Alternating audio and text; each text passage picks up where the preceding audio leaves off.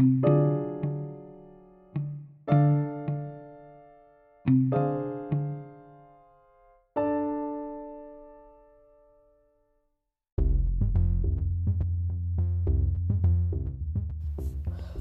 my name is Michiel Habrake, and in this podcast, I am going to introduce myself. I am 12 years old and I live in Stiphout, which is a neighborhood in Helmond. I enjoy playing football and game, games. One of my good personality traits is that I am nice to just about everyone. everyone. Uh, I have.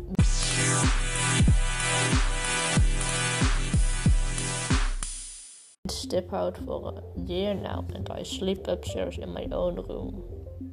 The area where I live is a lot of forest and a few farms and some shops. I live here in Stiphout.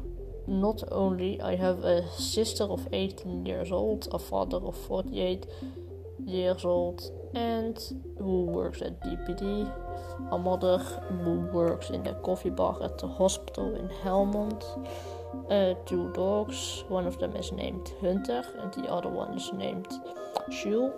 Hunter is quite, uh, he's not real, really big, but he is like I think an average dog, and Jules is small.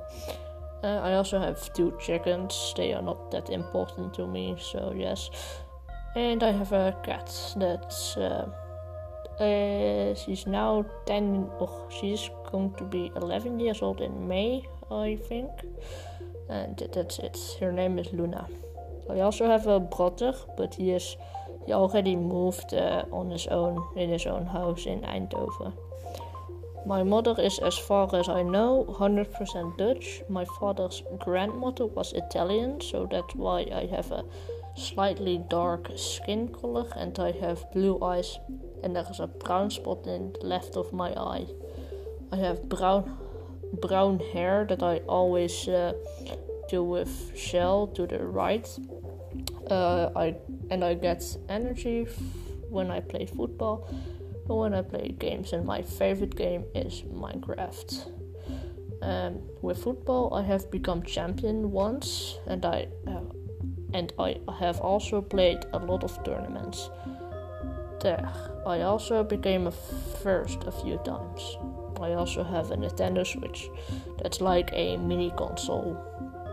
Uh, my favorite games on the Nintendo Switch are Fortnite, Fortnite, The Legend of Zelda, Breath of the Wild, and Mario Odyssey. My favorite food is lasagna. I also have a YouTube channel, but I'm not going to show that.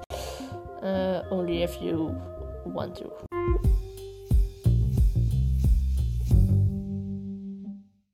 This this was the podcast. I hope you now know a little bit who I am, and uh, that you know what I uh, think is fun. Uh, bye bye.